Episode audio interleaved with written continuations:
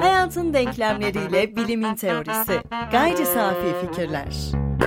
Gayri safi fikirlerden merhabalar. Herkese merhaba. Gayri safi fikirlerin bu 24. bölümünde Galileo'dan bahsetmeye devam edeceğiz. Geçtiğimiz bölümde olduğu gibi. Bu bölümde Kopernik değil Galileo'ya belki daha da eskilere gidebiliriz ama e, Kopernik'ten biraz daha onu sıyıracağız. Zira geçtiğimiz bölümlerde Kopernik'le olan düşünsel ve bir manada geleneksel temasını irdelemiştik ve e, aslında neyi farklı yapabildiğini biraz anlamaya çalıştık. Bu bölümde onu ve benim soracağım kim sorularla mitleştirilmiş karakterinin tozunu almayı ve Galileo'nun kim olduğunu bir nebze daha iyi anlamaya çalışacağız. E, mitler aslında tarihte çok konuşulmuş ve herkesin üzerine yapışan bir e, yapı. Sadece Galileo'nun ya da bilimsel karakterlerin üzerinde e, oluşan durumlar değil.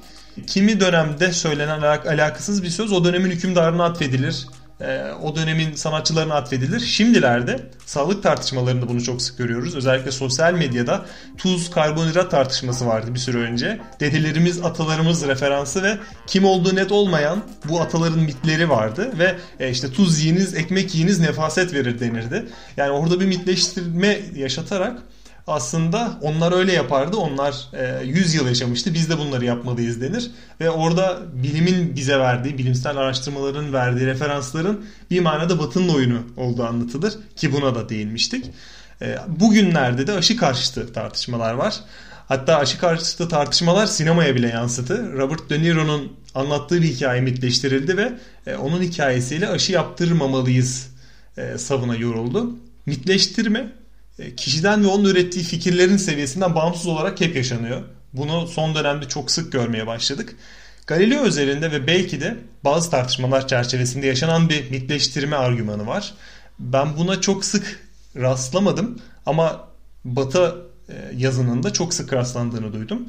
Ülkemizde yaygın bir deyim değil ama ecnebi bilimsel tartışmalarında hatta gerçeğin ortada olduğu kimi tartışmalarda bir e, analojiyle ele alınan Galileo'nun teleskobuna bakmayı reddetme hikayesine ki burada hikayeyi e, hayaliliği ifade etmek için kullanmıyorum.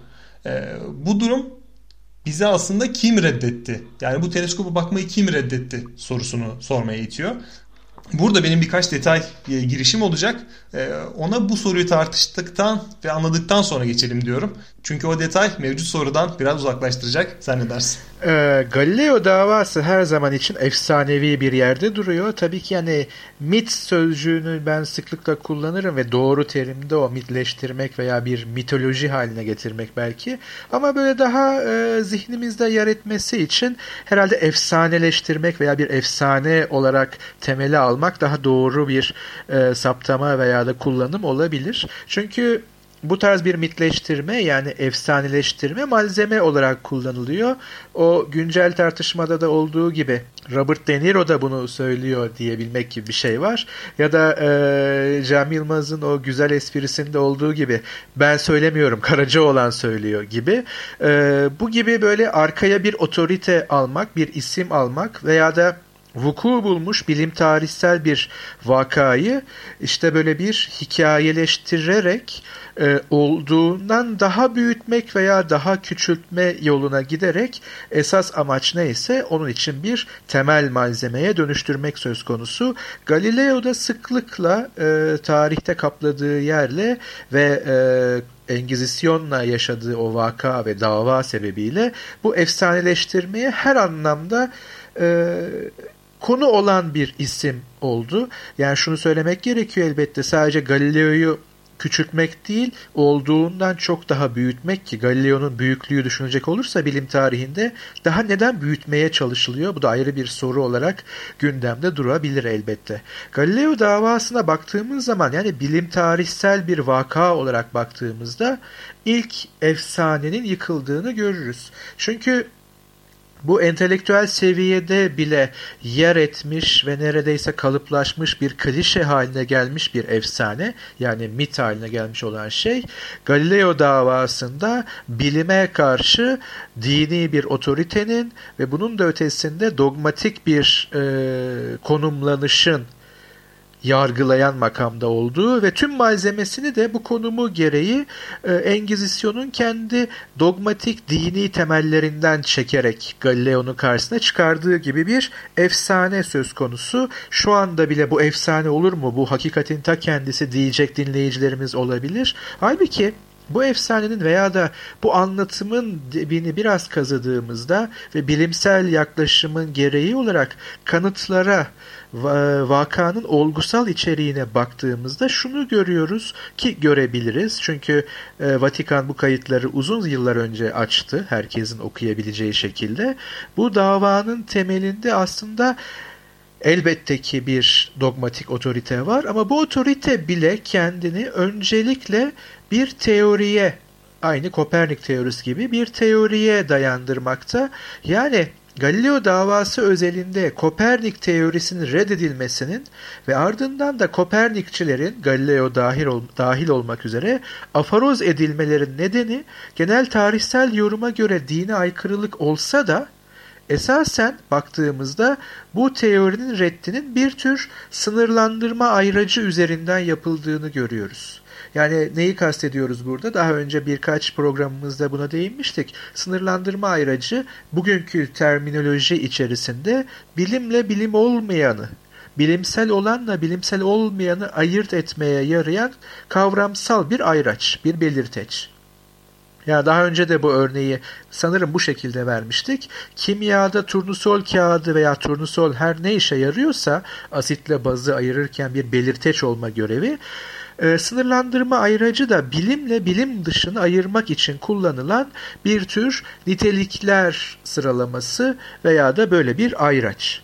İşte Galileo davasında da Engizisyon'un böyle bir ayraca gönderme yaparak karar verdiği veya yargılamayı başlattığını görüyoruz. Çünkü Galileo davasına temel oluşturan 24 Şubat 1616 tarihli komisyon raporunda Güneş'in evrenin merkezinde bulunmasına ve hiçbir yerel hareketinin olmamasına ilişkin sav, yani Kopernikçi sav, Galileo'nun savunduğu sav ve yer kürenin evrenin merkezinde bulunmadığına ve hareketsiz olmadığına ve tümünün sürekli hareket ettiğine ilişkin ikinci sav, öncelikle felsefi açıdan aptalca ve mantıksız olduğu gerekçesiyle ardından da dinin öğretilerine uymadığı için reddedildiği kayıt altına geçirilmiş durumda. E şimdi burada ne anlayabiliriz diye hemen sorulabilir elbette ki. Bunun için şunu hatırlamak yeterlidir. Bugün kullandığımız anlamda science sözcüğü yani bilim sözcüğü felsefeden ayrı bir terim olarak ve bugün anladığımız anlamıyla bilime gönderme yapan sözcük 1830'lu yıllar tedavüle çıkmış ve yaygın kullanıma önerilmiş bir sözcük. Ondan önce yani Galileo yargılanırken de hatta Isaac Newton modern bilimsel devrimi taçlandıran ve artık adını koyan eserini yayınladığında dahi bu işin adı felsefeydi yani doğa felsefesiydi. Bu zaten e, tarihsel tanıklıklarla ve dilin gelişimi terminolojik tarihi üzerinden sabit olsa da hemen bir kanıt e, veya bir şahit çağırabiliriz.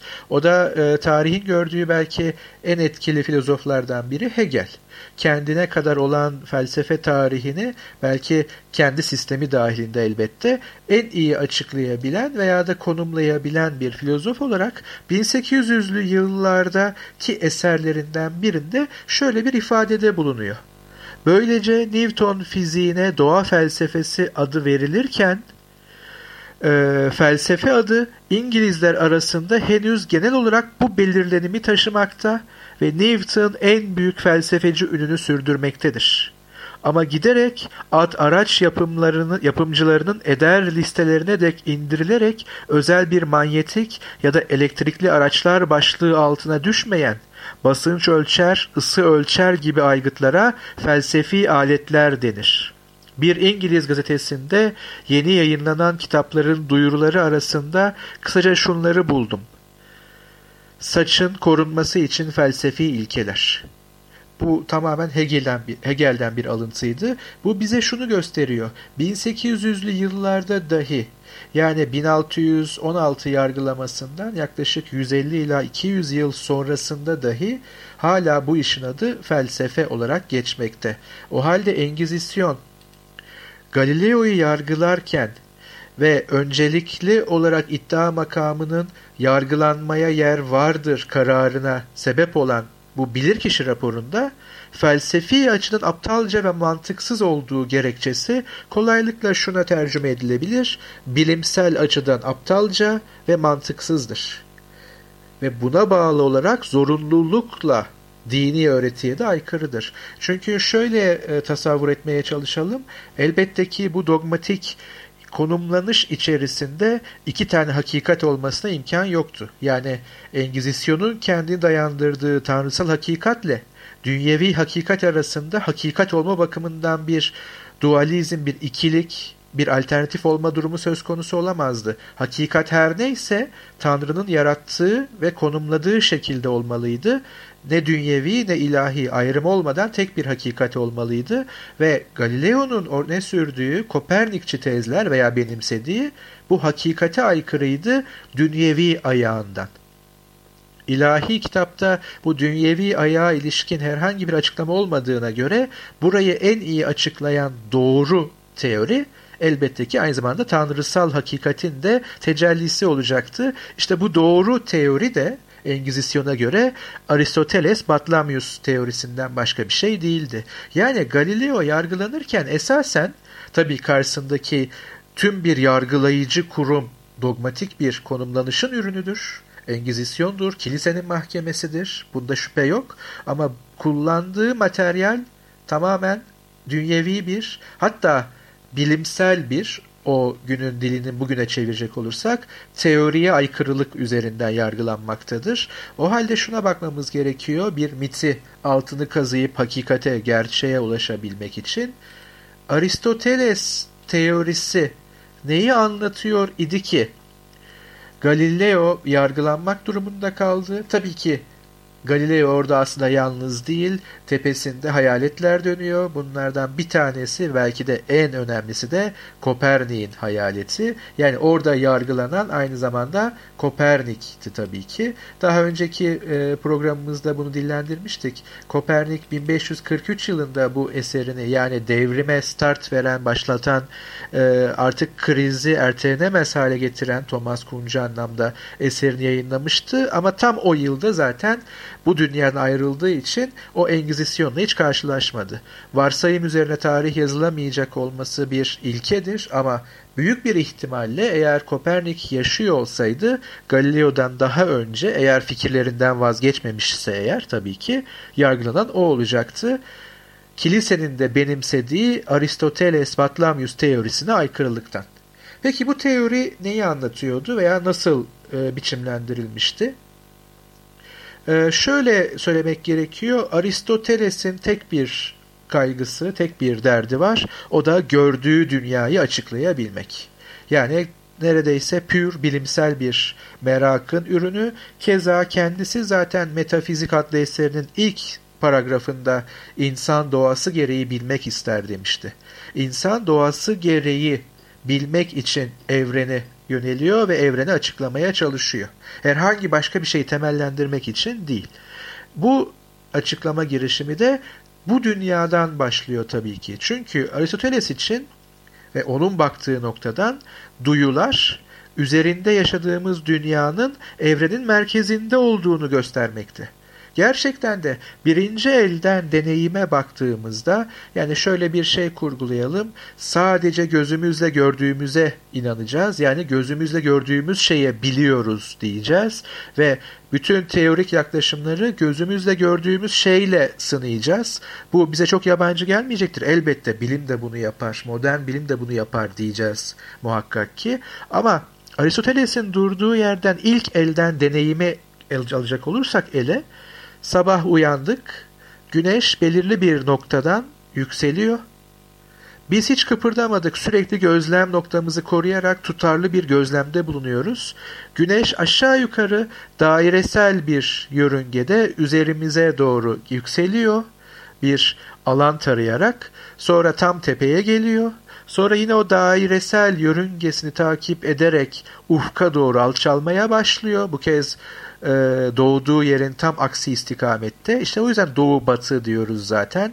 Yön belirlememize bile en azından Türkçe içerisinde bu şekilde yansımış durumda.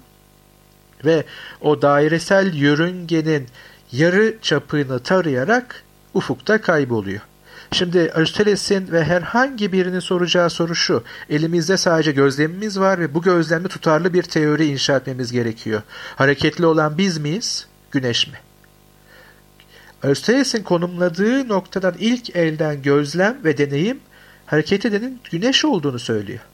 Biz hiç hareket, etmedik. Tutarlı olarak gözlemde bulunduk ve bunu her gün ve her gün tekrar edebileceğimiz gibi kendi duyularımıza güvenmediğimiz herhangi bir noktada başka birinden yardım alarak aynı gözlemi tekrarlayabiliriz.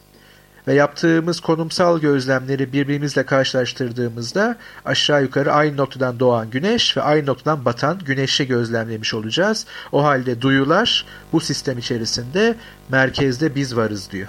Neden merkez? Çünkü dairesel bir yörüngenin hesapladığımız zaman tam da bizim bulunduğumuz yer o yarı çapın merkezde buluştuğu yer olacaktır.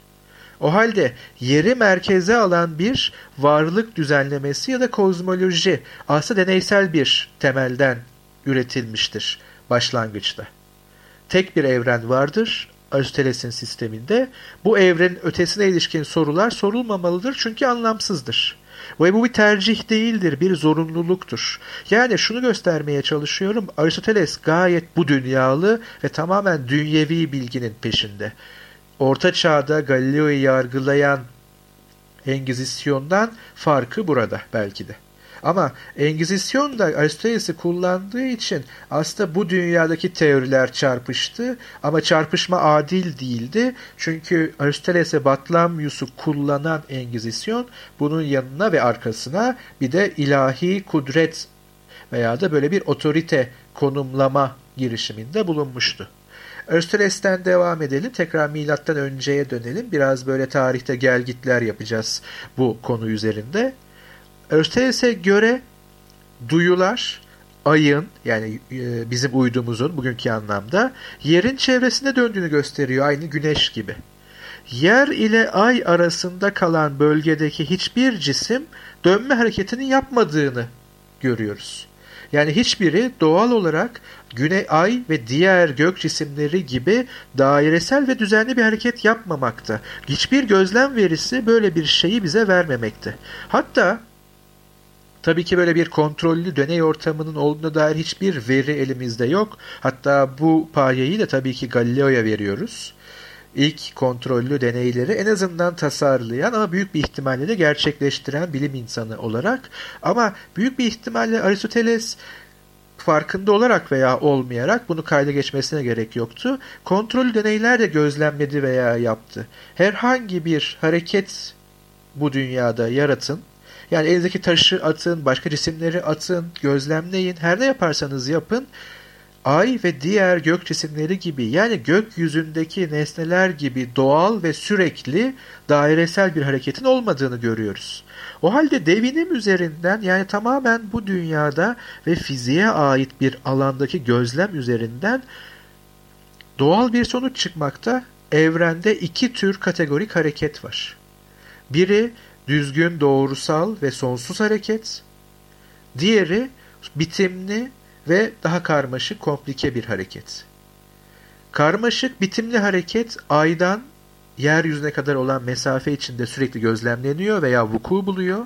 Ay dahil olmak üzere ondan sonraki tüm gözlemlenebilir gök cisimlerinde ise gayet düzgün, dairesel ve sonsuz bir hareket var. Kendini tekrarlama Bu kategorileri anlamında. yaparken aslında biz erişebildiğimiz bir noktayı bize yakın görüp erişemediğimiz belki o döneme kadar gözlemleyemediğimiz noktalardan sonrasını kutsal addediyoruz diyebilir miyiz ve e, sonrasında biz bu noktaları gözlemledikten sonra ha, burası gözlemlenebilir bu yüzden çok da tanrısal değil demiş miyiz?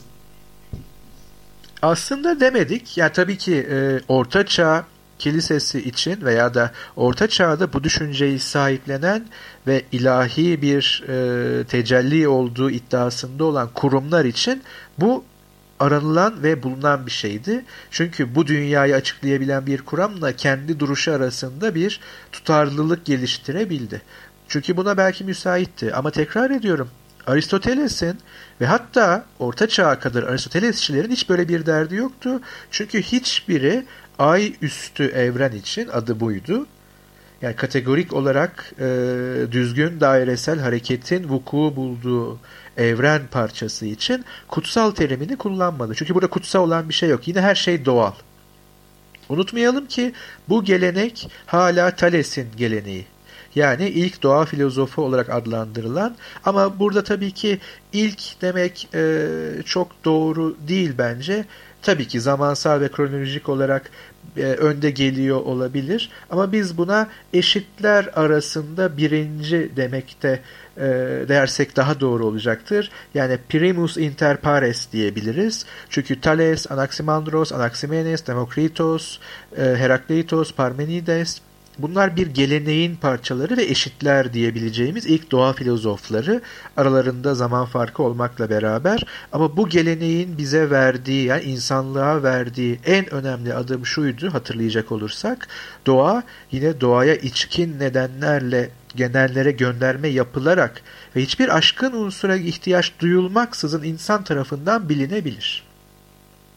Aristoteles bu geleneğin takipçisi ve bir parçası ve belki de e, düşünme tarihi içerisinde en önemlilerinden biri. Yani yekpare bir bugünün terimiyle bilim insanı veya entelektüel ve Aristoteles için de ayüstü evren kutsal değil yani aşkın bir unsur içinde barındırmıyor.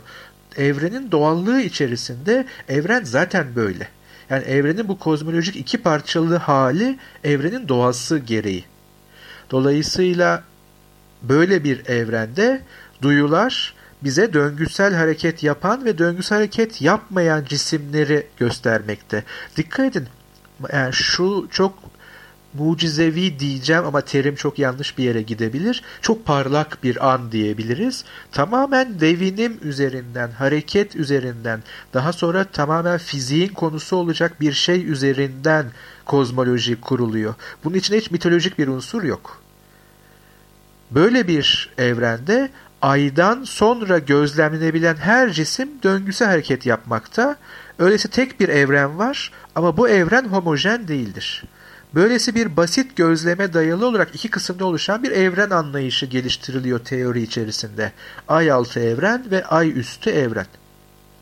Çıplak gözle gözlemlenebilen Ay, Merkür, Venüs, Güneş, Mars, Jüpiter, Satürn yer değiştirmekteler. Yani dairesel bir hareket yapmaktalar. Ancak onların ötesinde olan ve yer değiştirmeyen sabit yıldızlar da bu evrende bulunmakta.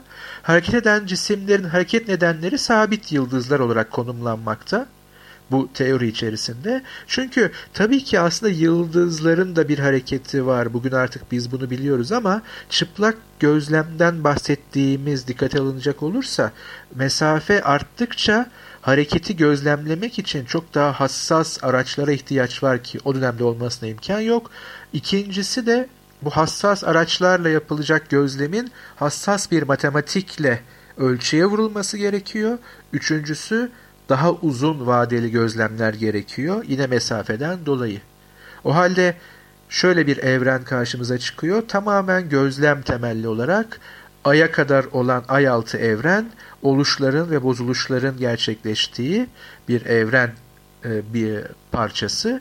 Ay ve üzeri yani ay üstü evren Ay, Merkür, Venüs, Güneş, Mars, Jüpiter, Satürn gezegenlerinin doğru e, dairesi hareketlerinden oluşan ve bunların da uzağında yer alan sabit yıldızlar küresi. Tam olarak adı da buydu. Çünkü o dönemde e, Eudoxus adı verilen bir matematikçinin ortak merkezli küreler sistemi söz konusuydu. Bir bugünkü anlamıyla hipotez olarak Aristoteles fiziği bu hipotezi e, sahiplendi ve kozmolojinin temeline koyarak aslında her bu dairesi hareketin ortak merkezli kürelerin dönüşü olduğunu söyledi. Ortak merkezde neresi yer alıyordu?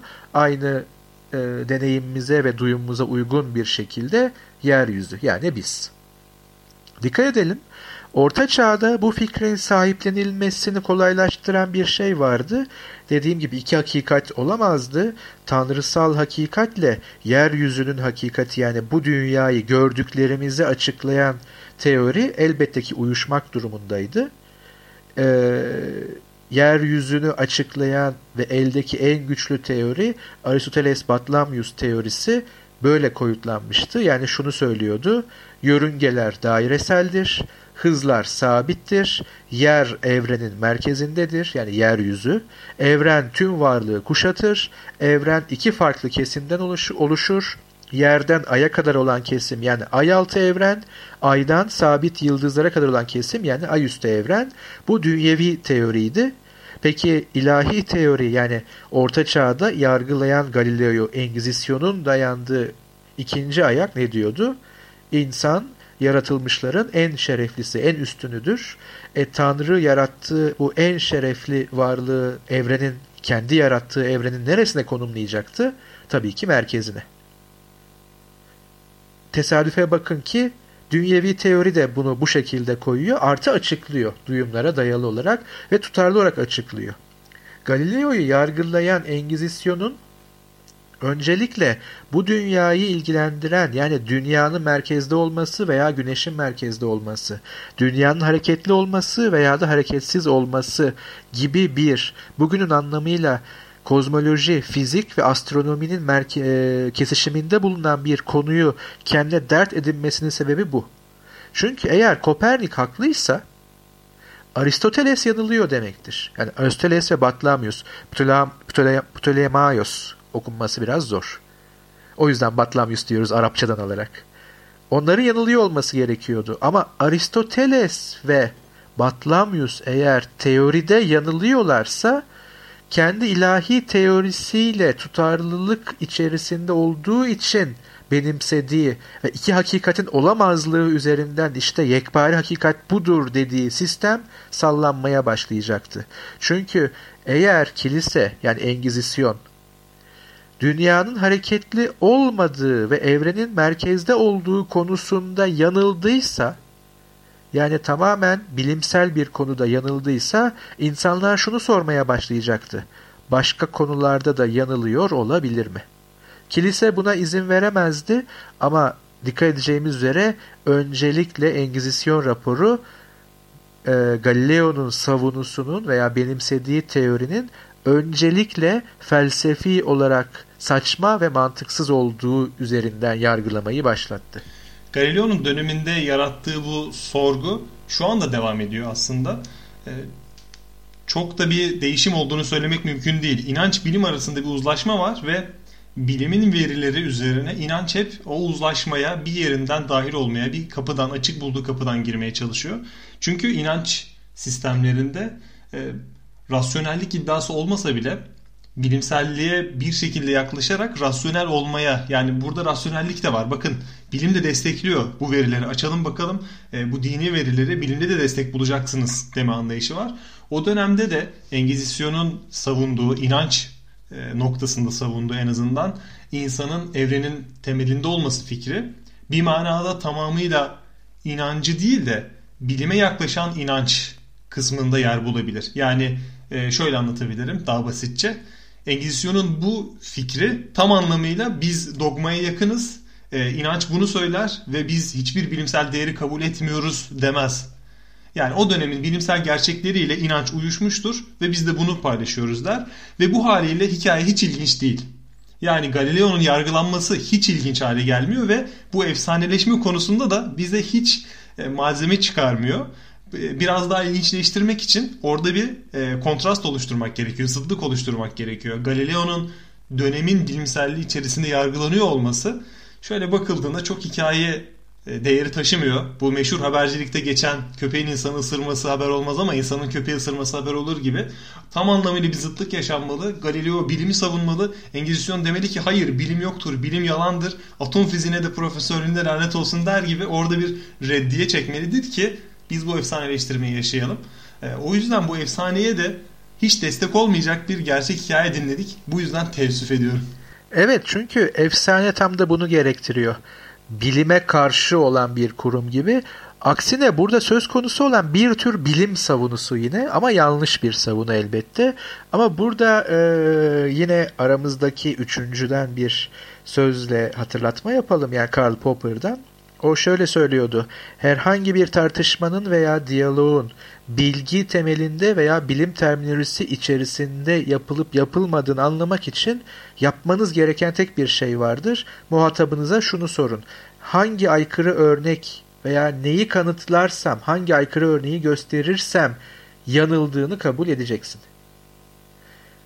O e, yargılama içerisinde işte bilim dışına evet iki tane bilim anlayışı çarpışıyor ama bu şu anlama gelmiyor. Engizisyon da bir tür bilim yapıyordu değil. Tam da Popper'ın ölçeğini veya da standartını kullanacak olursak Engizisyon'un oyun bozanlığı şuradan geliyor. Arkasındaki ilahi kudrete dayandığını ve bunu korumak için her şeyi yapabileceğini zaten kabul etmiş bir kurum olduğu için ona bu soru sorulsaydı asla diyecekti. Yanıldığımı kabul etmem. Çünkü doğam gereği, konumum gereği yanılıyor olamam.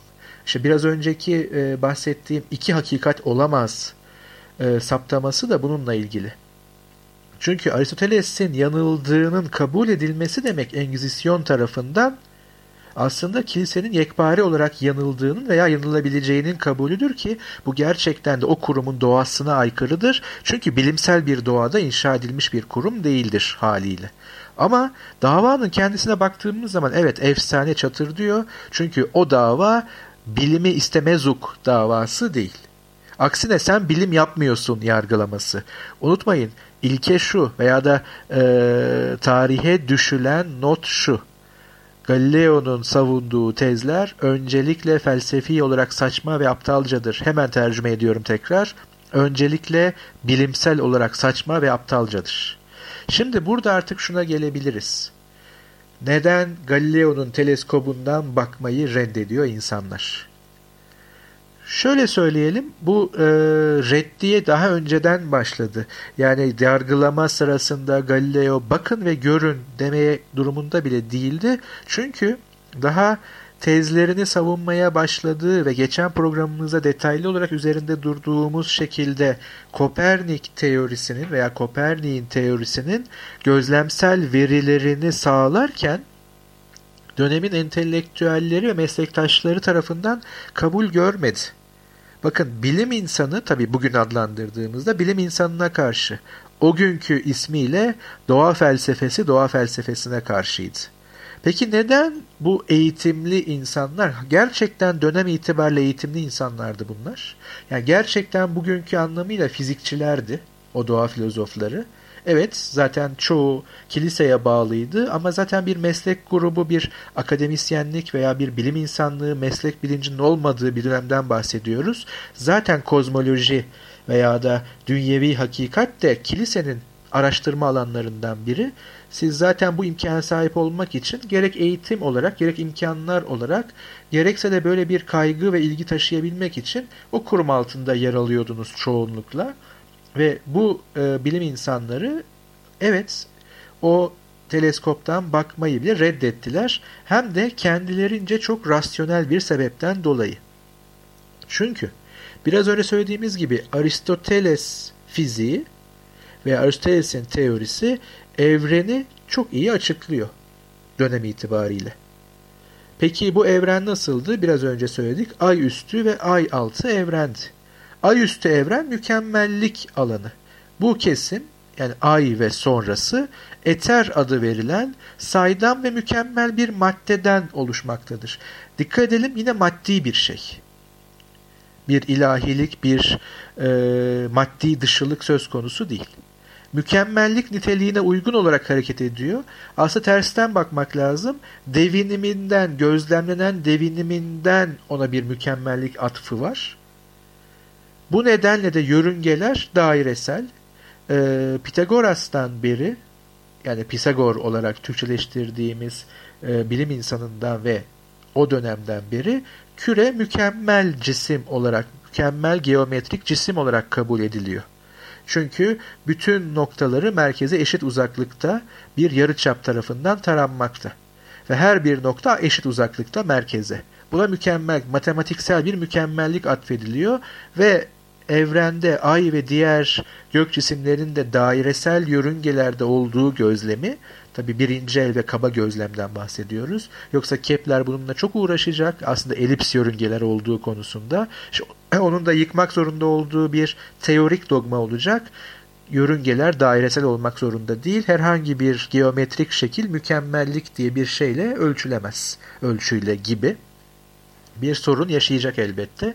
Ama tekrar Aristoteles'e dönecek olursak işte böyle bir evrende mükemmellik niteliği taşıyan ayüstü evren eter adı verilen bir nesneden veya maddeden yapılmış durumda ve bu kesimde ay ve üzerinde oluş ve bozuluş yok. Hareketler ezeli ve ebedi. Yani hiçbir hareketin ne başlangıcı ne de sonu var.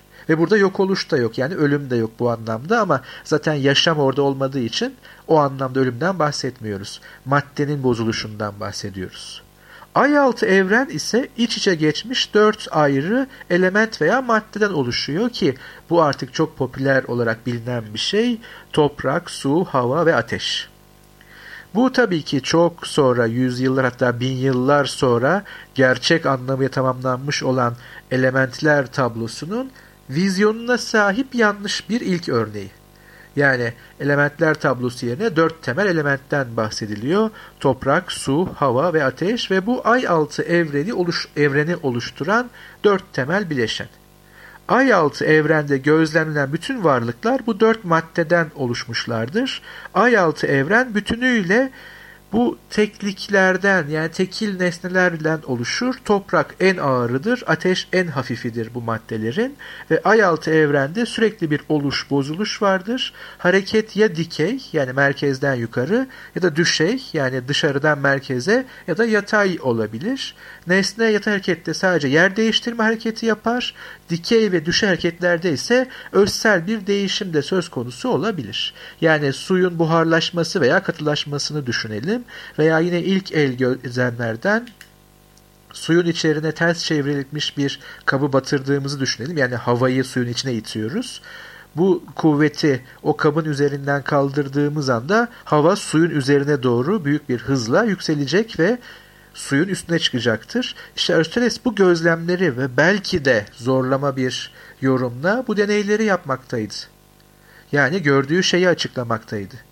Şimdi böyle bir teori çalışırken ve e, özellikle ay altı evrendeki devinimi yani hareketi ihtiyaç olduğu ölçüde açıklayabilirken Galileo diyor ki bakın teleskopla ay üstü evrene baktığımda farklı şeyler görüyorum. Teorinin aykırı örnekleri olabilecek veriler elde ediyorum.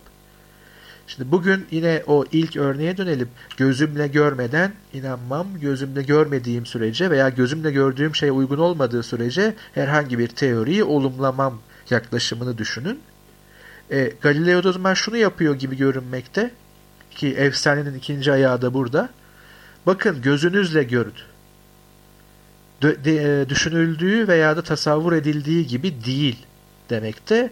Ama o cahil tırnak içinde dogmatik, bakmayı bile reddedenleri bir türlü ikna edemedi. Efsane bu. O kadar cahillerdi ki gözleriyle bile görmek istemediler çünkü korktular. Hayır korkmadılar çünkü teorilerine aykırı bir durum söz konusuydu. Neden?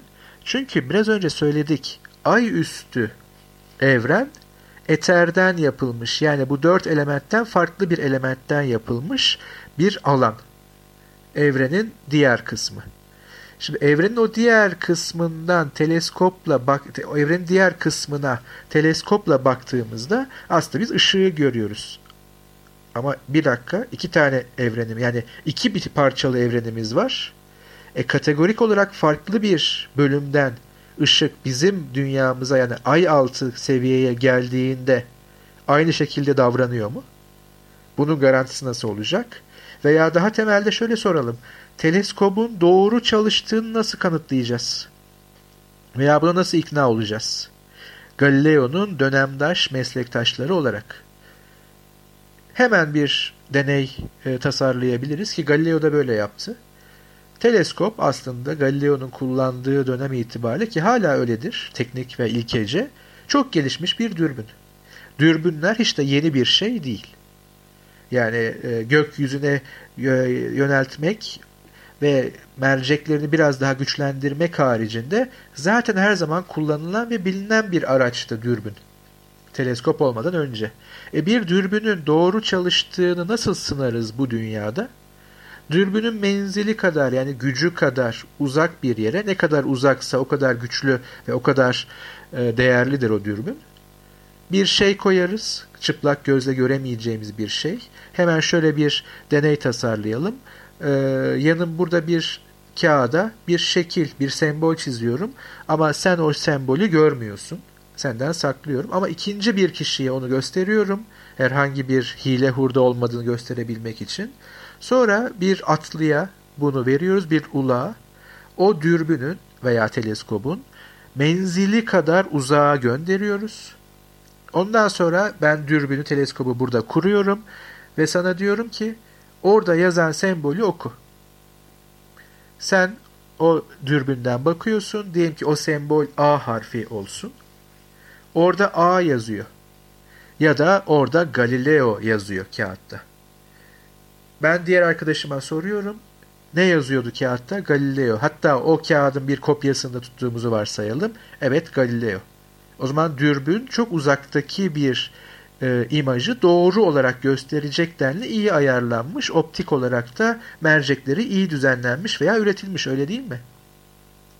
Bütün meslektaşlar bunu buraya kadar kabul ederdi Galileo'nun. Ama onların kabul etmediği şey şu. Tamam bu dünyada çalışıyor. Yani toprak, su, hava ve ateşten oluşmuş bu dünyanın yasalarına göre yaptığın optik yasalara göre yapmış olduğun mercekler gayet güzel çalışıyor. Burada sana hiçbir itirazımız yok. Ama eğer sen teleskobunu yani dürbününü eterden yapılmış evren parçasına yönlendiriyorsan orada çalışıp çalışmadığı konusunda elde hiçbir kanıt yok. Çünkü orası farklı bir elementten yapılmış. Dolayısıyla ışığın oradaki hareketi, onun da bir devinimi var. Ve oradaki kırılımı çok daha farklı olabilir. Yani teleskop bizi yanıltıyor olabilir. Ki Aristoteles'in diğer her açıklaması çalışırken buradaki yani ayüstü evrenden bize getireceğin kanıtlar hiçbir şey ifade etmiyor. Ve etmeyecektir. O yüzden benim o teleskoptan bakmama bile gerek yok. Çünkü o teleskopun doğru çalıştığını ne yaparsan yap bana kanıtlayamazsın. Mesele buydu. Yine çatışan veya çarpışan iki teoriydi. Yoksa o yine efsanenin içine gizlenmiş ve tabii ki doğruluk payı olan teleskoptan bakmam çünkü onun içinde şeytan var anlatımı çok da durumu aydınlatan bir şey değil. Bir tespit değil veya bir anlatım değil. Esas olan arkasına dogmatik bir güç almış bir teoriyi yıkabilmekti, bir açıklama modelini yıkabilmekti ve Galileo'nun büyüklüğü de zaten buradan geliyor. Bunu yıkabilmiş olması veya da o çatlağı Newton gelinceye kadar genişletmiş olması. Galileo'nun bu dönemde teleskobuna baktırırken uyguladığı e, bu taktikler ve ona gelen yaklaşımlar üzerine benim çok tartışma yaratacak. Bu da tam bir magazin ağzıdır. Tartışmalar yaratacak örneklerim var. E, kaynakları ne kadar doğru bilmiyorum ama birkaç e, çifte doğrulama yaparak e, eriştiğim sorular var. Bu sorular üzerinde gerçekten de acaba dedirtecek kimi sorulara da rastladım. Ama onları önümüzdeki hafta inceleyelim diyorum. Önümüzdeki hafta e, bu tartışmalı sorulara ve gerçekten Galileo'nun daha da detaylı belki mitlerini güçlendirecek, belki de daha doğrusu efsanelerini güçlendirecek, belki de onları yerle bir ederek gerçek Galileo'ya ulaşmamızı sağlayacak e, o konulara gireriz diye düşünüyorum. Galileo efsanesinin arkasındaki gerçek Galileo o kadar büyük ki her tür soruya eminim ki yanıt verebilir ve elimizde yeterince de onu anlatabilecek veri ve modelleme mevcut. Galileo'dan e, vazgeçmeyelim sadece o efsaneye kanmayalım diyelim.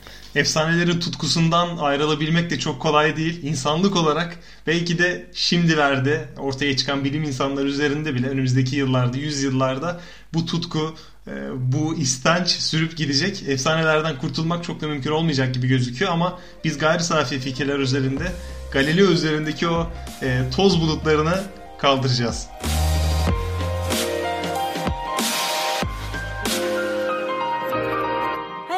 Denklemleriyle bilimin teorisi. Gayri safi fikirler.